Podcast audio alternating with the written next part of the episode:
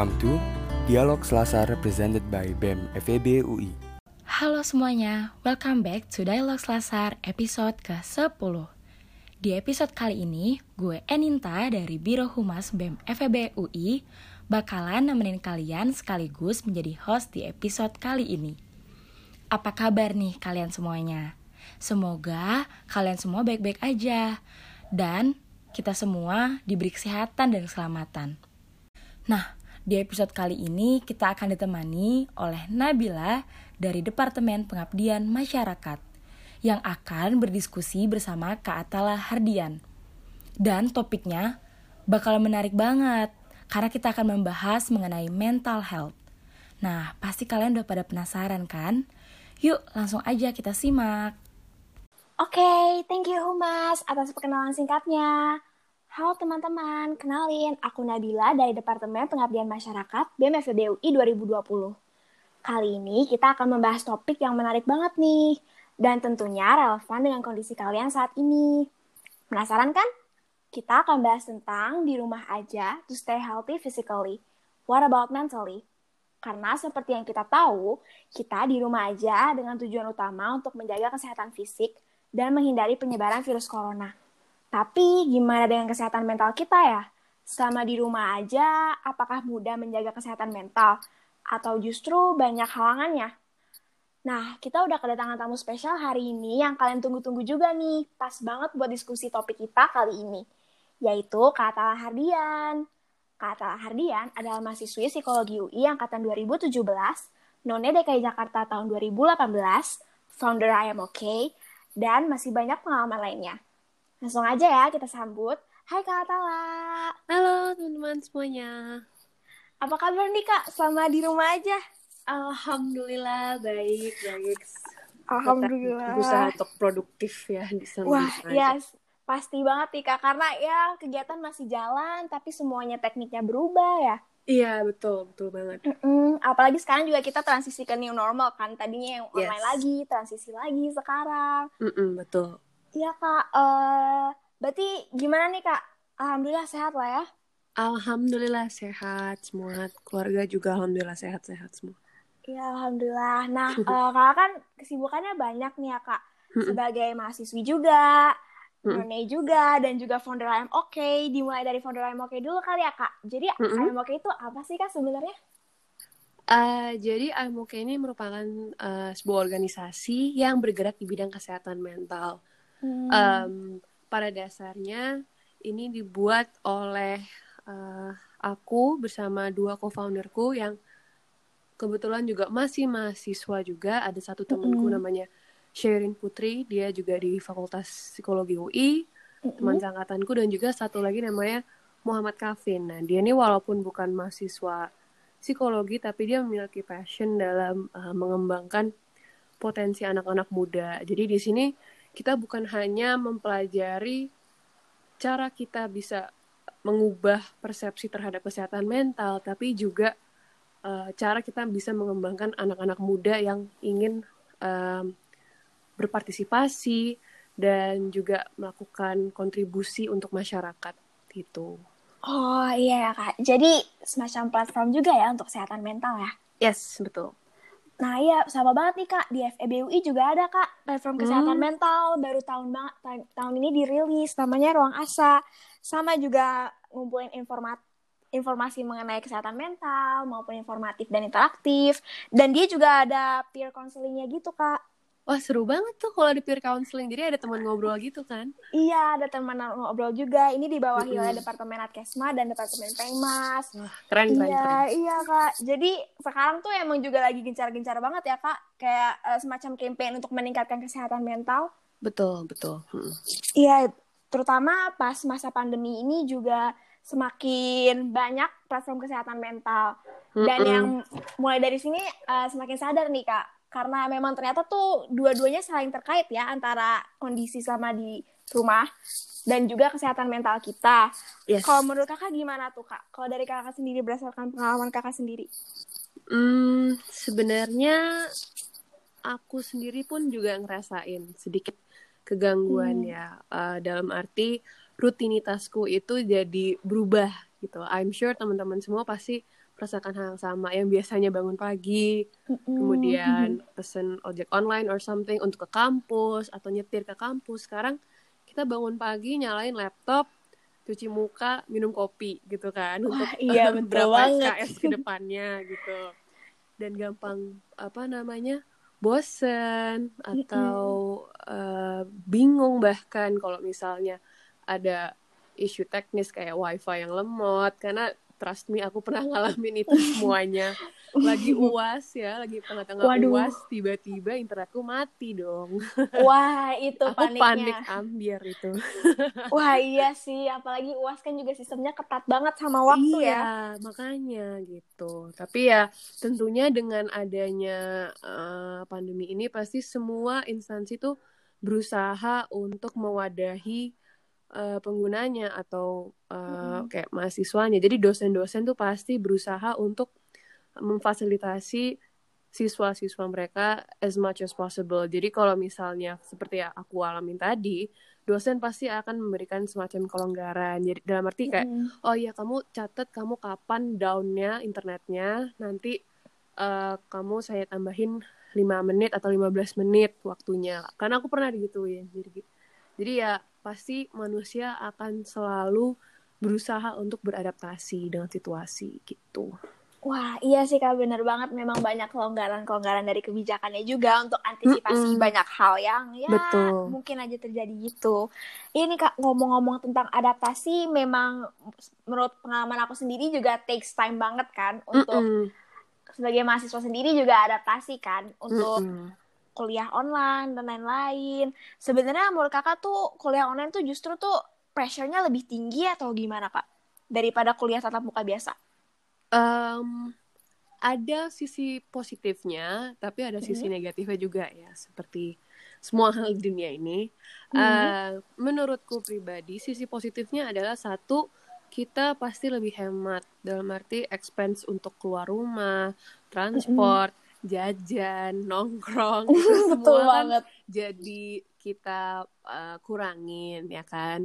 Kemudian juga mungkin untuk para mahasiswa yang merasa uh, belum pede, misalnya harus uh, ngobrol langsung sama dosennya atau bertanya, mereka bisa langsung WA misalnya, japri email. Jadi yang tidak langsung direct communication-nya.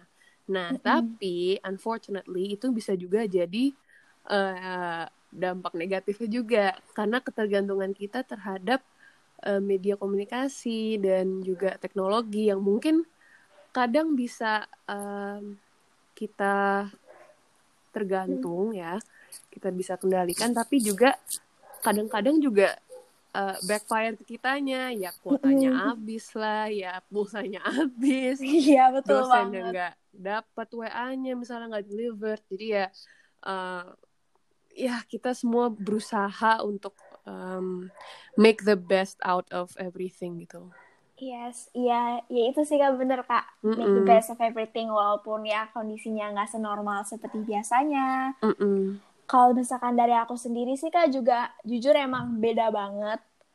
Dan emang banyak hal-hal yang aku harus adaptasiin lagi saat kuliah online ini. Terutama apalagi menurut aku untuk sekarang kan mahasiswa juga lagi excited ya untuk produktif bareng temen-temen.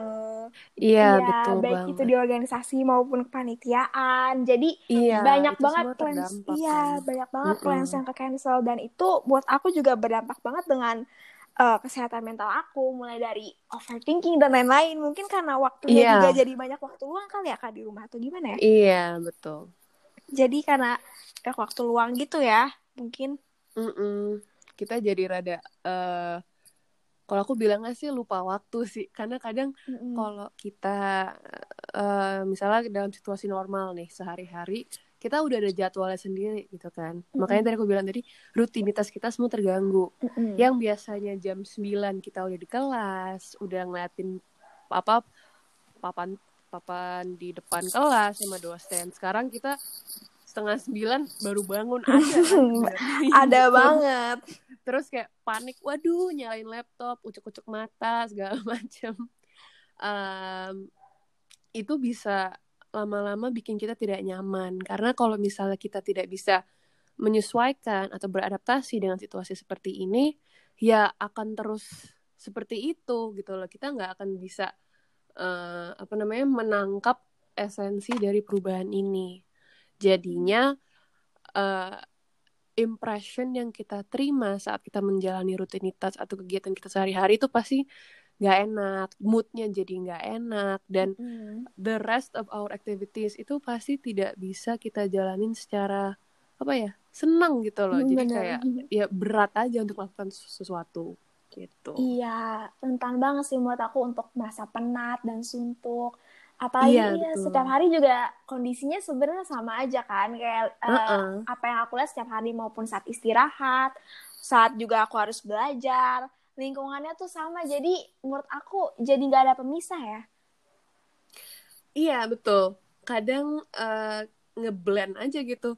Yang pagi-pagi biasanya sarapan tiba-tiba sarapan di kamar sambil online kelas kemudian mm -hmm. online kelas buk abis itu buka. Terus jadi nggak tahu batasannya kan. Makanya iya. uh, menurutku salah satu tips untuk mengatasi ini tuh sebenarnya bikin jadwal atau schedule yang bisa kita ikutin hmm. gitu. Kita bisa nyaman dengan uh, schedule yang kita buat, tapi juga kita tetap bisa menjaga produktivitas kita sendiri gitu. Hmm. Kita harus bisa ngatur diri kita sendiri se seberatnya itu gitu loh, tapi kita harus tetap bisa gitu. Oh iya, berarti lebih ke menjaga rutinitas biar kayak normal gitu ya, kak ada rutinitasnya, nggak bener-bener cuman makan tidur makan tidur kelas online.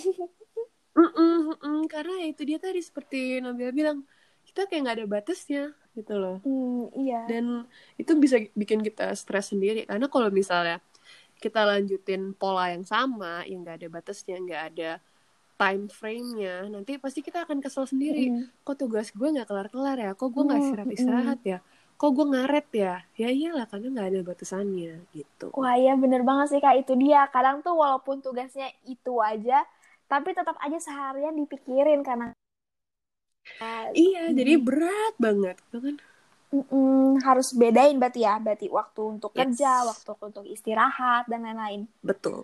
Sebenarnya ngomongin yang uh, tadi juga sebenarnya karena kita di rumah dan gak banyak mobilisasi memang benar kan ya kak? Ada waktu luang yang sebenarnya tuh uh, kita buat untuk kegiatan yang terkadang tuh karena di rumah suasananya kurang produktif jadi terkadang pikiran tuh ke mana-mana iya benar benar banget gitu Iya, jadi kita harus bisa belajar ya? mengendalikan uh, mengendalikan pikiran kita gitu loh. Se Seanehnya itu ya aku bilang tadi, hmm. tapi emang bener. Kalau enggak ya kita pasti akan mengikuti semaunya kita gitu dan itu nggak bagus sebenarnya gitu.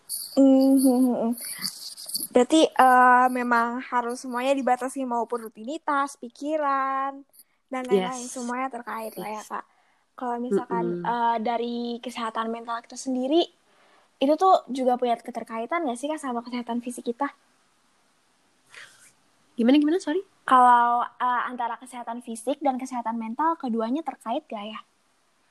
Oh tentunya, hmm, tentunya. Hmm. Jadi uh, gangguan kesehatan yang pasti, sorry, gangguan kesehatan mental yang sering dialami hmm. oleh seseorang ya, apalagi dalam kondisi seperti ini pasti kan ketakutan dan juga stres. Tapi gangguan hmm. fisik juga bisa muncul karena situasi yang sekarang ini tuh kan uh, kita melakukan hal-hal yang tidak biasanya. Kita bisa yeah. plototin tablet, laptop, TV, komputer, HP bisa berjam-jam kan. Jadinya matanya lelah atau perih, otot yeah. kita tegang karena nunduk terus ya kan. Mm -mm. Sulit istirahat, nafsu makan terganggu dan juga bahkan pola makan yang tidak beraturan.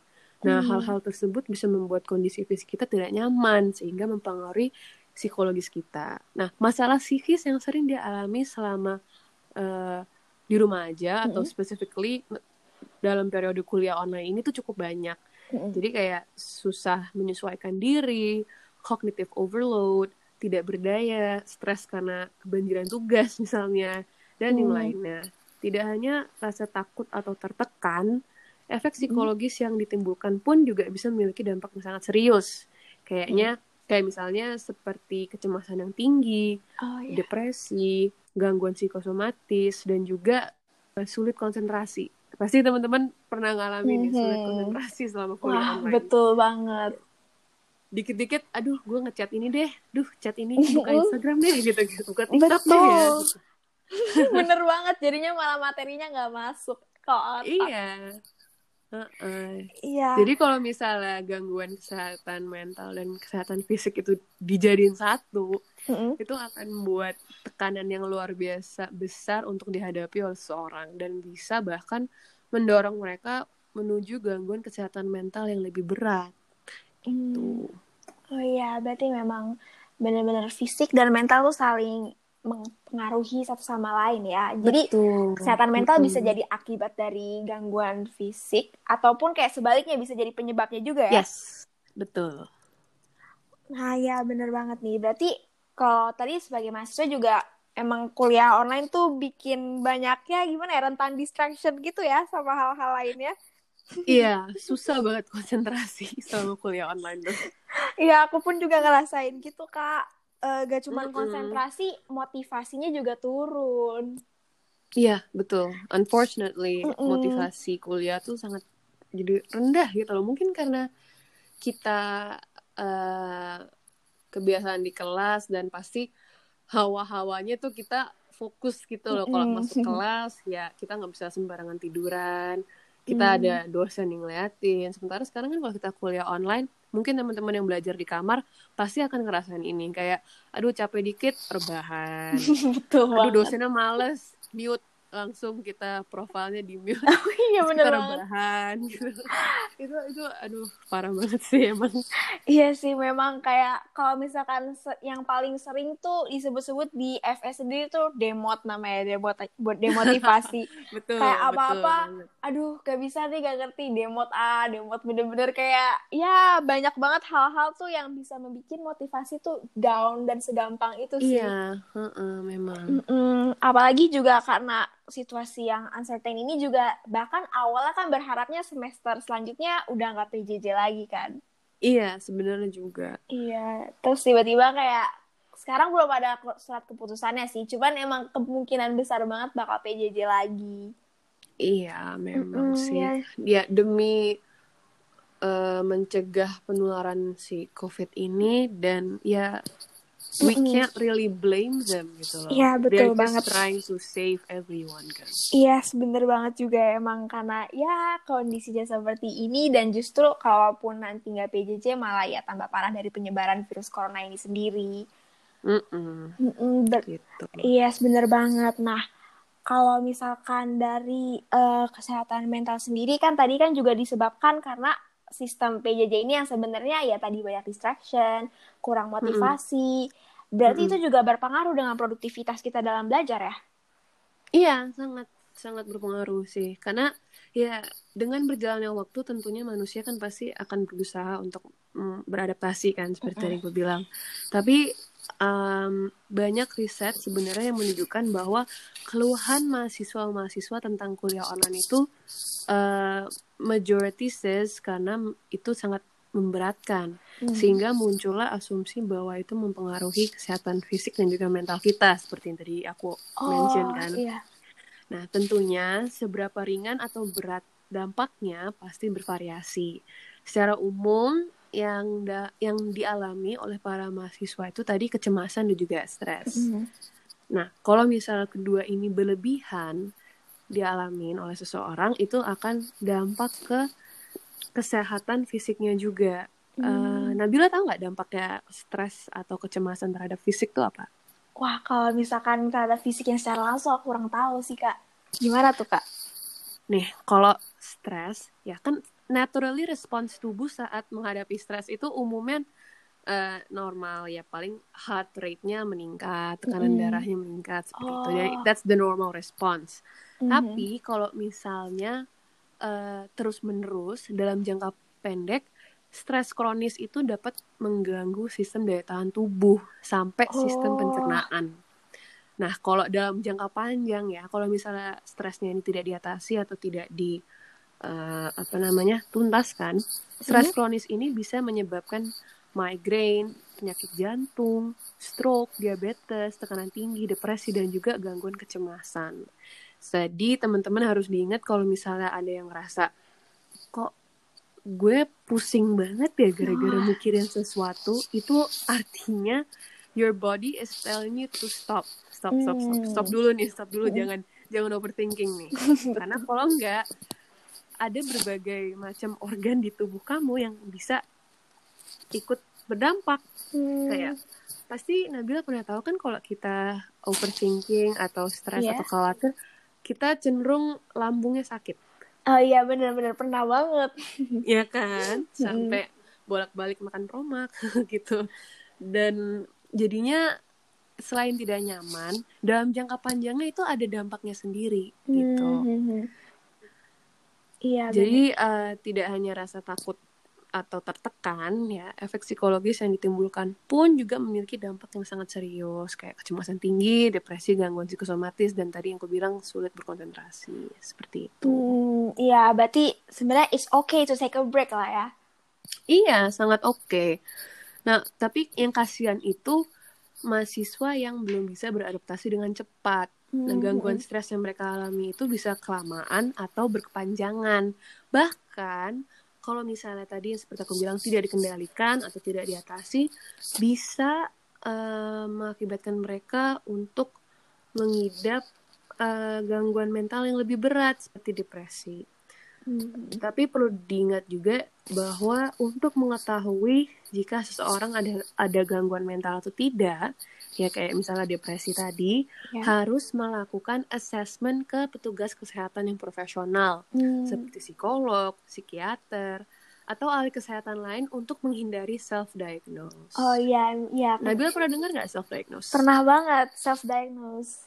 itu Iya. bahaya banget itu bahaya Mm. banget teman-teman kalau mulai ngerasa eh, kok aku stres terus ya kok Hmm. aku moodnya mood swingnya cepet banget ya. Terus kalian misalnya nge-google online ini artinya apa? Terus oh kamu bipolar. Tiba-tiba Wah, misalnya iya. ciri-cirinya oh cocok nih gue bipolar. Berarti aduh gimana ya kalau gue bipolar? Hmm. itu itu bahaya banget. Jadi lebih baik kalian konsultasi ya ke profesional. Jangan takut untuk minta bantuan ke psikolog atau psikiater Hmm. eh, atau mungkin tenaga kesehatan yang lainnya.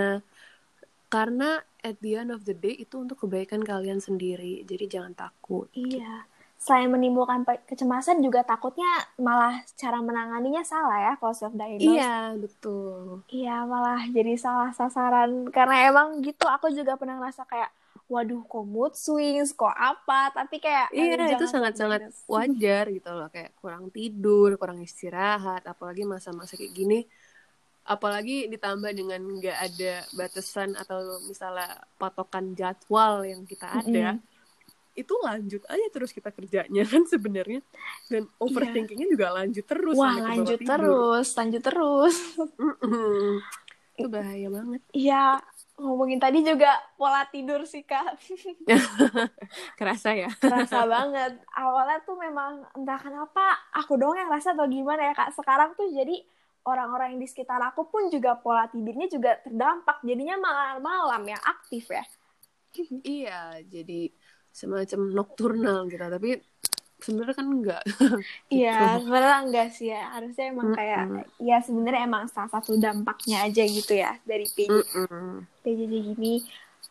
Mm-mm. Kalau kakak sendiri gimana kak? Pola tidur aman nih kak? Berarti rutinitasnya juga terjaga nih. Waduh. Jadi aku kan sebenarnya kuliahnya udah selesai untuk semester genap ini ya kan. Mm-hmm. Tapi karena aku aku kan program KKI, jadi aku Oh, masih harus studi keluar. Nah, nggak mungkin dong dalam kondisi seperti Wah, ini. iya ke postpone berarti ya di. Iya, aku udah ke postpone ke Australia, jadi aku kuliah online. Tetap aja kuliah online, cuman eh kendalanya di sini tuh time difference-nya. Karena kan harusnya aku mengikuti waktu eh Australia, Mm-mm. ya kan? Oh iya. Sekarang aku harus menyesuaikan, jadi mungkin bangun tiga jam lebih awal, Oh, takut kelewat. wah, gitu. berarti rentan banget itu pola tidurnya ya. Iya, aku harus mulai eh, balikin lagi pola tidurku karena aku mulai kuliah tuh awal-awal Agustus kalau nggak salah. gitu Hmm. tapi other than that selain kuliah aku ya kegiatannya ya ngurusin AMOK organisasiku atau mungkin kadang ada job kayak untuk ngisi webinar seminar Hmm. live gitu-gitu tapi ya alhamdulillah sampai sekarang masih normal-normal aja gitu Alhamdulillah. Itu tadi Kak kayak tetap banyak kegiatan-kegiatan yang harus dilakuin, cuman ya gini, kondisinya sama-sama aja. Bahkan terkadang ngomongin masalah uncertainty juga kalau misalkan mau melakukan planning sesuatu, cuman gak certain kira-kira pasti online gak ya nanti. Iya, Jadi itu kayak, yang harus mm-mm. kita apa ya? Kasarnya ya kita telan aja dulu gitu loh. Yang kita mau gimana lagi? Kita nggak bisa ngelawan situasinya. So what we can do is work with what we got gitu. Hmm, ya betul banget sih Kak, memang make the best out of make the best make the best out of the situation ya. Mm-mm, betul. Hmm. Awal-awalnya kak kalau misalkan pas awal-awal pandemi sendiri kan semuanya berubah ya kak. Kakak gimana tuh kak adaptasinya, kira transisinya? Kalau Waduh, sendiri. susah banget. Itu em, tiga minggu pertama pas Mhm. kita mulai di rumah aja kan. Iya. Itu aku yang paling kena tuh pola tidurnya. Karena Oh. kan kuliah online kan tetap jalan kan. Dan Mm-mm. aku merasa kok kadang kelasnya jadi lama banget. Wah iya bener banget. Rasanya ini dua SKS kenapa jadi empat rasanya gitu kan. Betul. Ha, makin berat. Karena pasti di tengah-tengah pembelajaran itu banyak banget gangguannya. Either Mm-mm. gangguan emang aku kurang fokus Mm-mm. atau aku punya uh, kewajiban lain di rumah kayak misalnya harus bikin sarapan atau cuci atau apa gitu kan. Dan em, aku akuin agak kesusahan di situ untuk beradaptasinya. Dan juga pola istirahatnya juga makin gak jelas. Karena apa-apa tuh aku tuh tipe yang kalau nggak diselesain sekarang aku nggak akan kerjain Oh, jadi aku langsung langsung on the spot aku kerjain terus sampai nggak tahu Mhm. selesai jam berapa pernah aku jam jam 4 baru waduh tidur kali berantakan banget itu langsung besok ya Parah. pasti. parah banget sampai emosi sendiri aku Bangun siang terus kayak malam kayak lo apa nggak ngantuk lagi udah berantakan. iya, iya, bangunnya bisa jam 10. Padahal pernah tuh aku ada kelas jam kelas jam 10. Aku bangun setengah 9 kan. Wah, ambiar langsung aku rasanya. Iya bener banget. Berarti sebenarnya kalau misalkan kayak online dan lain-lain itu kan kita kan gak gerak ya kan. Maksudnya ya paling di rumah aja gitu kan. Gak Yes. secapek pas secara offline kan yang harus mobilisasi, mobilisasi ke mana-mana. Kira-kira sebenarnya dari situ ngaruhin pola tidur karena mungkin kita misalkan kayak awalnya biasanya kan kita capek banget kan kalau misalkan tatap muka kuliah tatap muka capek Mm-mm. banget jadi gampang banget tidur karena online ini jadinya mungkin ini gak sih kak Eh, karena kita juga sebenarnya nggak ke mana-mana fisik kita pun sebenarnya nggak terlalu lelah jadi sulit untuk istirahat dan untuk tidur atau gak ada hubungan ya Anda justru yang kamu bilang tadi itu itu sangat memungkinkan. Jadi Hmm. karena ya kita di rumah aja, kita merasa nggak ada batasan waktunya gitu kan. Mhm. Gue sekarang bisa istirahat, sekarang bisa kerja, ya aman-aman aja. Tapi masalahnya itu ketika tadi nggak ada batasannya. Oke, gue kerja terus tiba-tiba buka HP ngeliat Instagram, ih lucu, tiba-tiba udah maghrib gitu. eh iya bener kan kan susah ya, apa namanya? Gimana caranya kita bisa tetap melakukan rutinitas yang kita lakukan di luar rumah, tapi di rumah gitu sesuai dengan waktunya. Mungkin ada teman-teman yang merasa eh, ada yang kuliah sambil kerja, jadi jam segini jam segini gue kelas, jam segini gue kerja, tapi karena kerja jadinya work from home, Mhm. terus lanjut kuliah lagi, jadi kayak bener-bener eh, mindsetnya itu kadang tidak berada di tempatnya. Wah ketika iya. mereka dia lagi kuliah mindsetnya di kerjaan ketika lagi kerja mindsetnya di kuliah. Itu wah itu- bener itu- banget. itu pernah aku alamin juga gitu jadi ya Hmm. emang it's been a journey lots of ups and downs selama pandemi ini tapi yang paling penting untuk kita ingat yaitu adalah semuanya ini pasti akan ada waktunya. Ya, Oh, ada iya. waktunya kita istirahat, ada waktunya kita kerja, ada waktunya kita. eh, aku selalu berusaha untuk bikin me time. Me time sama Oh, iya. istirahat tuh beda ya. Oh beda ya? istirahat tuh bener-bener istirahat tidur gitu. Hmm. Kalau me time itu bener-bener kayak waktu untuk mengistirahatkan pikiranku. Kalau istirahat biasa ya udah tidur aja gitu loh kayak oke Oh. have fun, relax, relax mungkin katanya ya nam- namanya yang benar Hmm. to relax dan segala macem dan juga melanjutkan tanggung jawab kita di rumah. Bener-bener Oh, iya. harus ada batasannya gitu sih. Nah. Iya benar memang harus ada ya, yang dari tadi kita bahas batasan ya. Kalau dari ini aku juga sempat baca-baca gitu kak. Sebenarnya untuk saat kita istirahat kita harus misahin gitu ya tempatnya. Kalau misalkan mau produktif harus di meja, istirahat di kasur. Bener-bener Yes. itu katanya helps banget ya untuk Yes. bantu kita misahin waktu di mana harus ngapain. karena itu uh, that's just how our mind works gitu loh karena Oh. biasanya rutinitas kita itu kalau misalnya ada yang kerja ya di kantor ada meja ada komputer atau ada di di kampus ada meja ada kursi ada dosen our mind automatically associates with these elements ada kerja eh ada ada meja ada kursi ada dosen Mm. ada pengawas gitu kan tapi ketika semuanya itu dibawa ke rumah itu yang Mhm. mulai eh, apa ya it it becomes difficult for us karena we cannot differentiate lagi mana yang kerjaan mana tempat istirahat mana Mhm. tempat gue melakukan hobi gue jadi semuanya itu kecampur Ah iya gitu. benar. Makanya sampai sekarang aku kalau misalnya lagi kelas kamarku tuh aslinya aku matiin. Misalnya ini contoh aja ya guys. Mhm.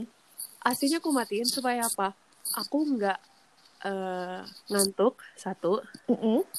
Aku nggak banyak distraction kayak misalnya kalau eh, kedinginan aku keluar kamar. Keluar Oh, kamar iya. nanti ngeliat kucing malah main. Benar. atau ke toilet ke toilet bawa HP kelamaan gitu kan jadi Iya. harus bener-bener kita harus bisa galak sama diri kita sendiri gitu loh. Kayak eh lu nggak Hmm. boleh macem-macem. Gitu lu masih punya tanggung jawab. Atau mungkin kalau misalnya teman-teman yang sama sekali nggak bisa belajar di kamar belajar di ruang tamu juga nggak apa-apa. Belajar di Hmm. eh, apa namanya ruang makan nggak apa-apa. Di mana pun kalian merasa nyaman dan bukan tempat kalian istirahat menurutku itu itu bisa membantu sih untuk eh, menyatukan kembali konsentrasi dan motivasi kita gitu Oh iya, berarti itu bener-bener kalau belajar memang ada lokasinya sendiri ya, jangan belajar di kasur atau main laptop di Iya. kasur. Jadi juga kayak gak ada bedanya di lokasi kita istirahat dan kita harus produktif. Heeh, betul Oh iya, mungkin dari situ kali ya tipsnya biar biar bisa stay fokus lah ya. Mm-mm, betul Mm-mm. Berarti eh, kalau misalkan dari situ kan ya tadi kayak kita harus stay fokus dan lain-lain karena Mm-mm. memang tuntutan juga untuk sekarang kan di mana kita kita masih transisi tapi kita juga ada tanggung jawab lain Mm-mm. semacam itu. Eh, tadi aku tertarik yang masalah antara me time sama waktu istirahat sih kak soalnya tuh banyak miskonsepsi kalau keduanya itu sama ya. Mm. Hmm. kalau Mm-mm. ini sih eh menurut pemahamanku aja kalau misalnya Mm-mm. teman-teman um, kurang setuju ya nggak apa-apa it's okay but the key di sini tadi tuh adalah kalian harus tahu kebutuhan kalian apa Hmm. dan harus bisa ngebedain between your needs and your wants Oh iya. gitu karena kalau kita ngomong istirahat that's what you need Hmm. kan kalau kita ngomongin me time that's what you want sebenarnya Oh. karena kalau kita lihat me time kita tuh biasanya apa sih? Ada yang masak, ada yang Mm. nyemil, ada yang nonton drakor, ada yang baca, ada yang apa. Itu kan semua aktivitas atau kegiatan yang membuat kita merasa tenang, enak, Mm-mm. ya kan? Benar-benar. Itu yang apa kita mau. Karena kita merasa, aduh kelelahan, aduh capek banget, habis kerja, lalala. Gue mau ini ah. Nah, Ah, dari oh kata iya. kuncinya gue mau ini ah. Nah, Sementara kalau istirahat itu ya memang ya lu harus istirahat. Badan lu udah kerja dari pagi sampai malam ya. Dan itu nggak yang apa ya kita tuh punya batasannya kita tuh manusia Mhm. gitu kita bukan robot yang selalu on karena ada baterainya gitu Mm-mm. robot pun juga kadang baterainya habis kan jadi mereka juga harus diistirahatkan gitu so Mm. kita harus tahu juga tubuh kita tuh perlu istirahat juga Hmm, iya betul dan betul. yang penting tuh eh, minimal istirahat 5 jam 5 6 jam aku Iya. aku ketawa sendiri karena kayak emang gue sendiri berapa? Makanya lebih dikit dari itu sebenarnya. iya tapi kayak ya kadang kita ngikutin badan kita itu butuhnya berapa. Kalau Oh, misalnya kita eh, merasa aduh kayaknya gue bakal pules banget nih tidurnya. Ya sudah gitu loh. Biarkan your body meets what it needs gitu. Mm, Bener-bener. Berarti ya selain menjaga juga tadi eh, istirahat untuk kesehatan fisik juga mental ya karena yes banyak banget yang dipikirin and it's okay to take a break. Sebenarnya aku Yes. juga mau ngomongin ini dari feeling sendiri. Terkadang kita kan sekarang kan campur aduk banget ya. Kadang Mm-mm. happy, kadang ketika sad tuh bener-bener sulit banget untuk keluar dari kesedihan itu atau cemas Mm-mm. atau panik. Tapi Mm-mm. terkadang susah juga ya untuk menerima kalau nggak apa-apa loh ternyata untuk sedih dan untuk cemas gitu gak sih? yes emang emang Hmm. emang kita tuh berusaha untuk sok tegar gitu loh kadang Wah iya. Oh abis oh hari ini nggak jadi kuliah oh yaudah deh nggak apa-apa walaupun kita udah, udah siapin presentasi dan segala macam tapi Oh, tahunya iya. dosennya nggak Mm-mm. bisa ada Mm. sedikit senangnya tapi pasti kita juga ngerasa kecewa dong kayak ah gue Iya. kerja susah-susah Mm-mm, Semalam begadangan buat presentasi. ya kan ngafalin belum deg-degannya karena takut sama dosennya Iya. Nah, itu uh, we have to learn how to let go of things karena kita nggak bisa terus menggenggam rasa sedih atau dendamnya ini kan Mhm. sebenarnya Iya, berarti harus self aware juga ya. Kadang kayak nggak apa-apa loh kayak gini gitu. iya nggak apa-apa it's okay to be sad it's okay to be mad it's okay to be happy sometimes Hmm. it's even okay to not know what you feel Oh. tapi one thing for sure that you're going to be okay gitu loh it's not the end of the world if you feel like something is not normal something Mhm. is beyond your control karena Wah, that's iya. just life gitu Iya bener banget itu jadi dia. ceramah aku Jadi bener-bener tapi emang bener-bener kayak terkadang tuh orang-orang memang banyak yang nggak sadar gitu untuk hal tersebut. Mungkin Yes. awalnya juga aku sebagai sebenarnya kan aku juga tertarik banget nih tentang mental health kan. oh Awalnya pun pas awal-awal sebelum aku kurang ngerti tentang mental health kayak dibawa sepele aja gitu ya, nggak Mm-mm, sampai kepikiran kayak eh nggak apa-apa loh untuk untuk merasa sedih dan lain-lain. Awalnya kan selalu nge-push diri sendiri buat kayak eh kok sedih sih, jangan gini ya, jangan gini ya gitu kan. Mm-mm. Setelah baca-baca lagi ternyata juga ya itu memang sebenarnya feelings itu ya namanya juga human beings lah ya.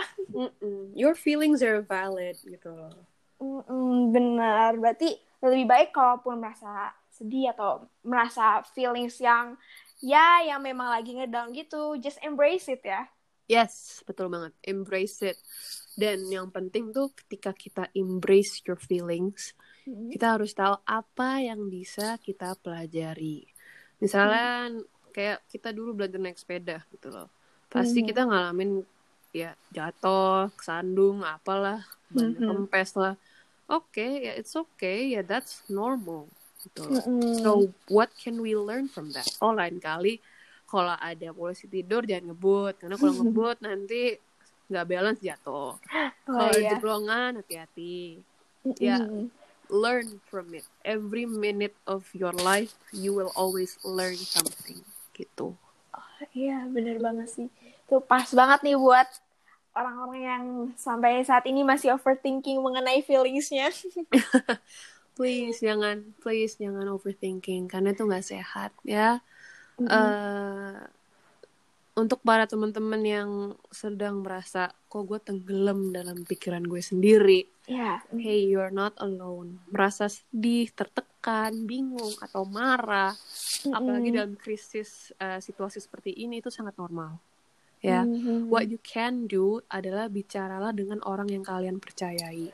Mau itu keluarga, teman, kerabat, ataupun misalnya kalau kalian merasa nggak sanggup gitu loh, dalam arti nggak sanggup untuk cerita dengan orang terdekat, hubungilah tenaga kesehatan, tenaga Ah, iya. sosial, Mhm. atau petugas serupa yang kamu percayai gitu loh di komunitas. Mm, Nah, iya benar. Itu dia. Biasanya tuh kalau misalkan eh, belum masa pandemi ini juga bisa cerita langsung sama temen kan? Exactly, betul. Iya, benar. Kayak apa-apa langsung cerita. Kalaupun ngadapi misalkan kelas dan lain-lain, masih ada temen di samping, jadi masih ada yang bikin happy gitu. Kalau misalkan Iya, kalau misalkan sama pandemi ini jadi rentan merasa sendirian. banget, banget ya.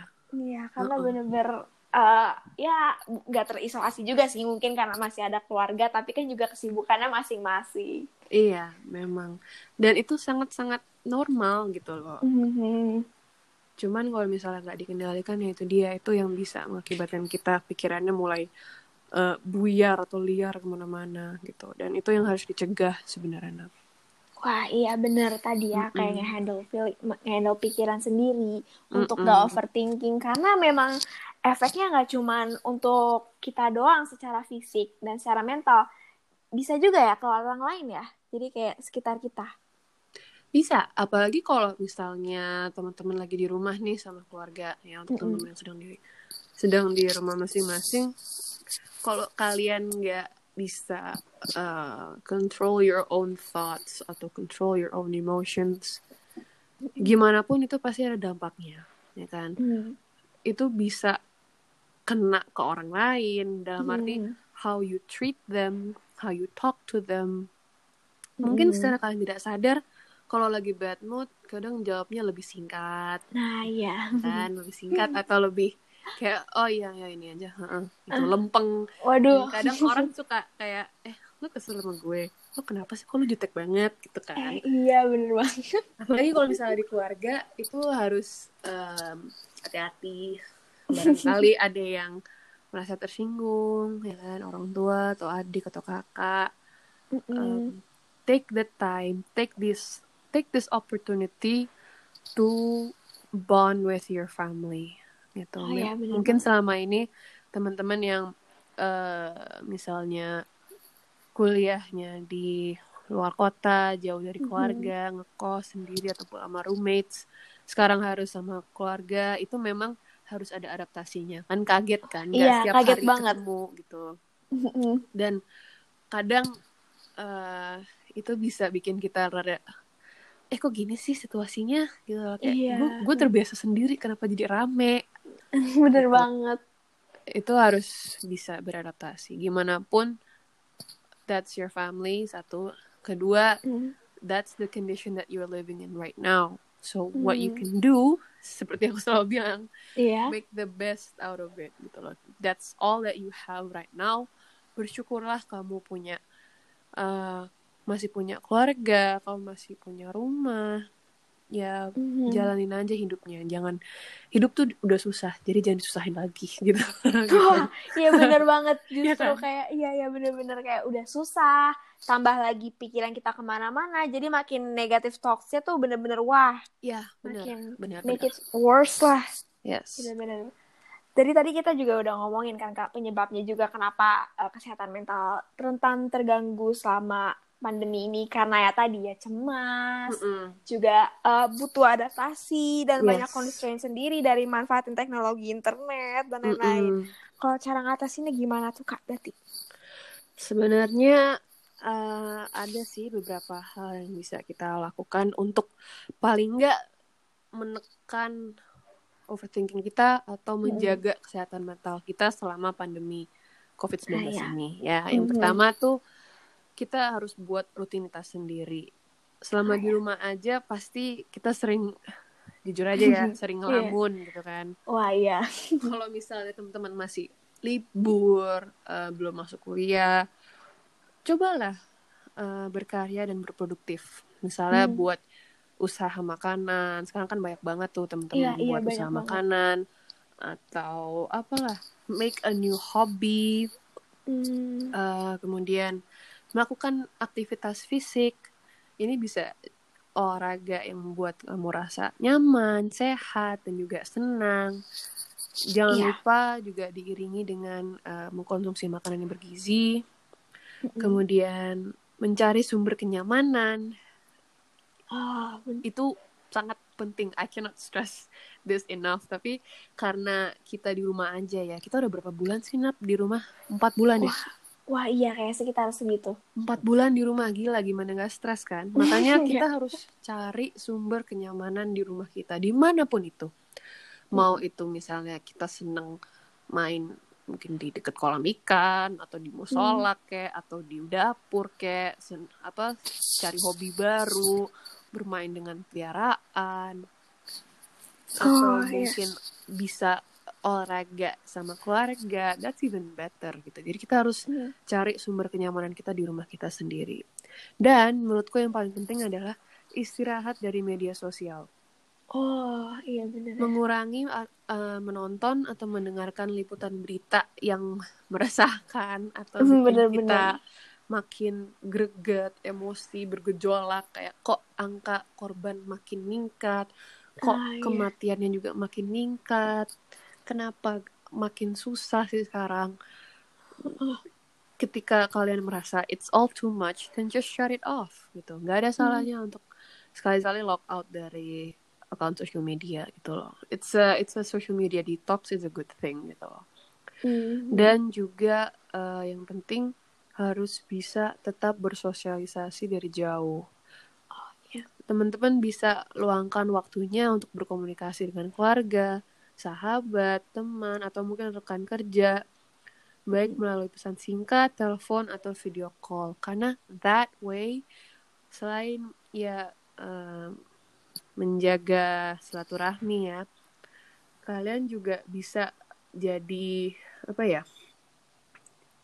You can be their shoulder to lean on gitu loh. You can be someone's best friend because of that. Gitu. Yes betul banget.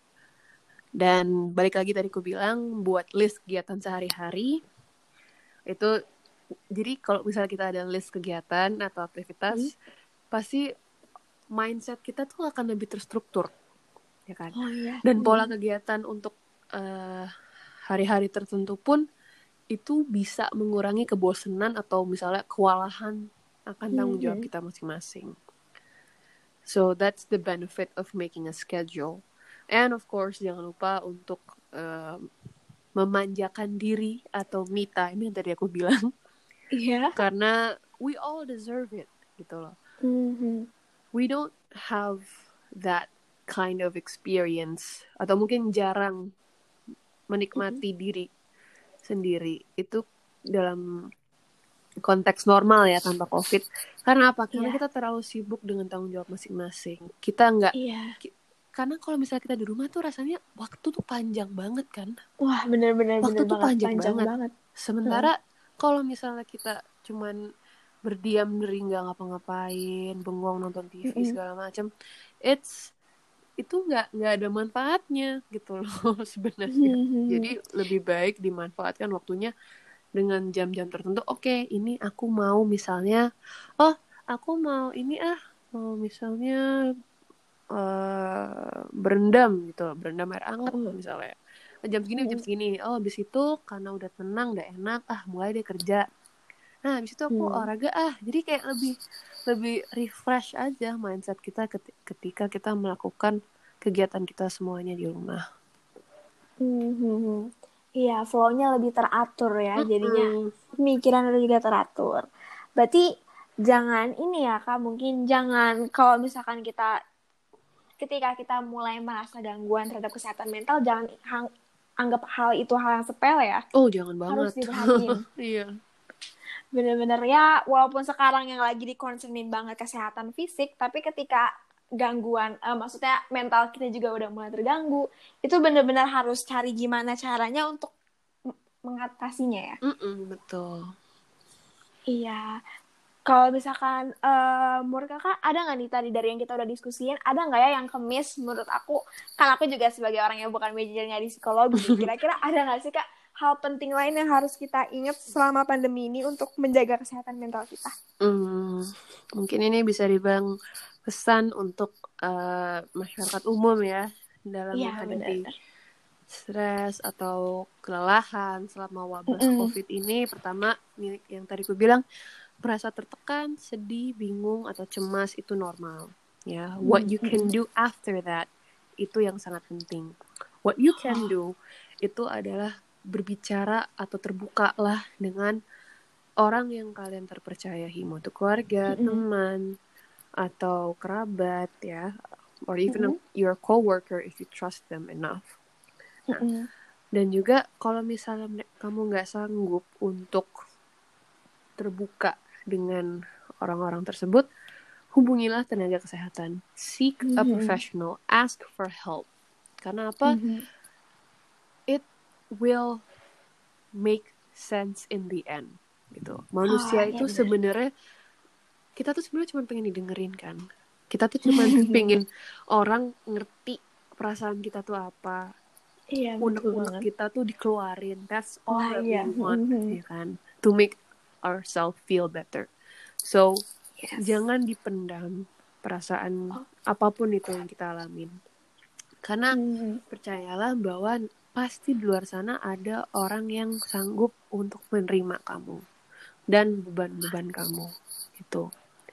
Um, hmm. Mungkin aku juga mau tambahin jaga pola hidup yang sehat ya kayak oh, pola iya. makan, pola tidur, hmm olahraga yang sesuai. Don't push yourself into do into doing something that you are not comfortable with. Kayak misalnya kalau hmm. olahraga uh, jangan maksa diri sendiri untuk lari atau maraton or something. No. Kalau misalnya hmm. kamu nyaman cuma jogging, keliling komplek ya nggak apa-apa, nggak ada salahnya. Hmm. Atau mungkin if you hate cardio, you can do kayak misalnya workout workout yang di YouTube YouTube. Itu kan sekarang lagi ngetren banget tuh. Wah iya ya kan? banyak banget. Atau iya, yoga iya, hmm. beraktivitas fisik yang apa ya yang kalian senang dan pasti bikin sehat. Itu otomatis uh, it improves your mental health dan juga your physical health gitu loh. Kalian happy kalian melakukannya dan kalian sehat karena melakukannya gitu. Hmm, iya hmm, benar-benar. Uh, ini saran juga dari aku, mungkin hmm. hindari hmm. mengkonsumsi tembakau, alkohol atau obat-obatan yang lain untuk mengatasi hmm. perasaan Anda, apalagi kok Anda dan kamu ya aku ngomongnya, untuk mengatasi perasaan kalian selama pandemi ini. Karena ah. apa? Pasti itu dalam jangka panjang akan ada dampaknya sendiri dan kita oh, yeah pasti akan merasa bebannya nanti. So, whatever you can do that is healthy to settle your problems, do it. Itu. Oke, okay, oke. Okay.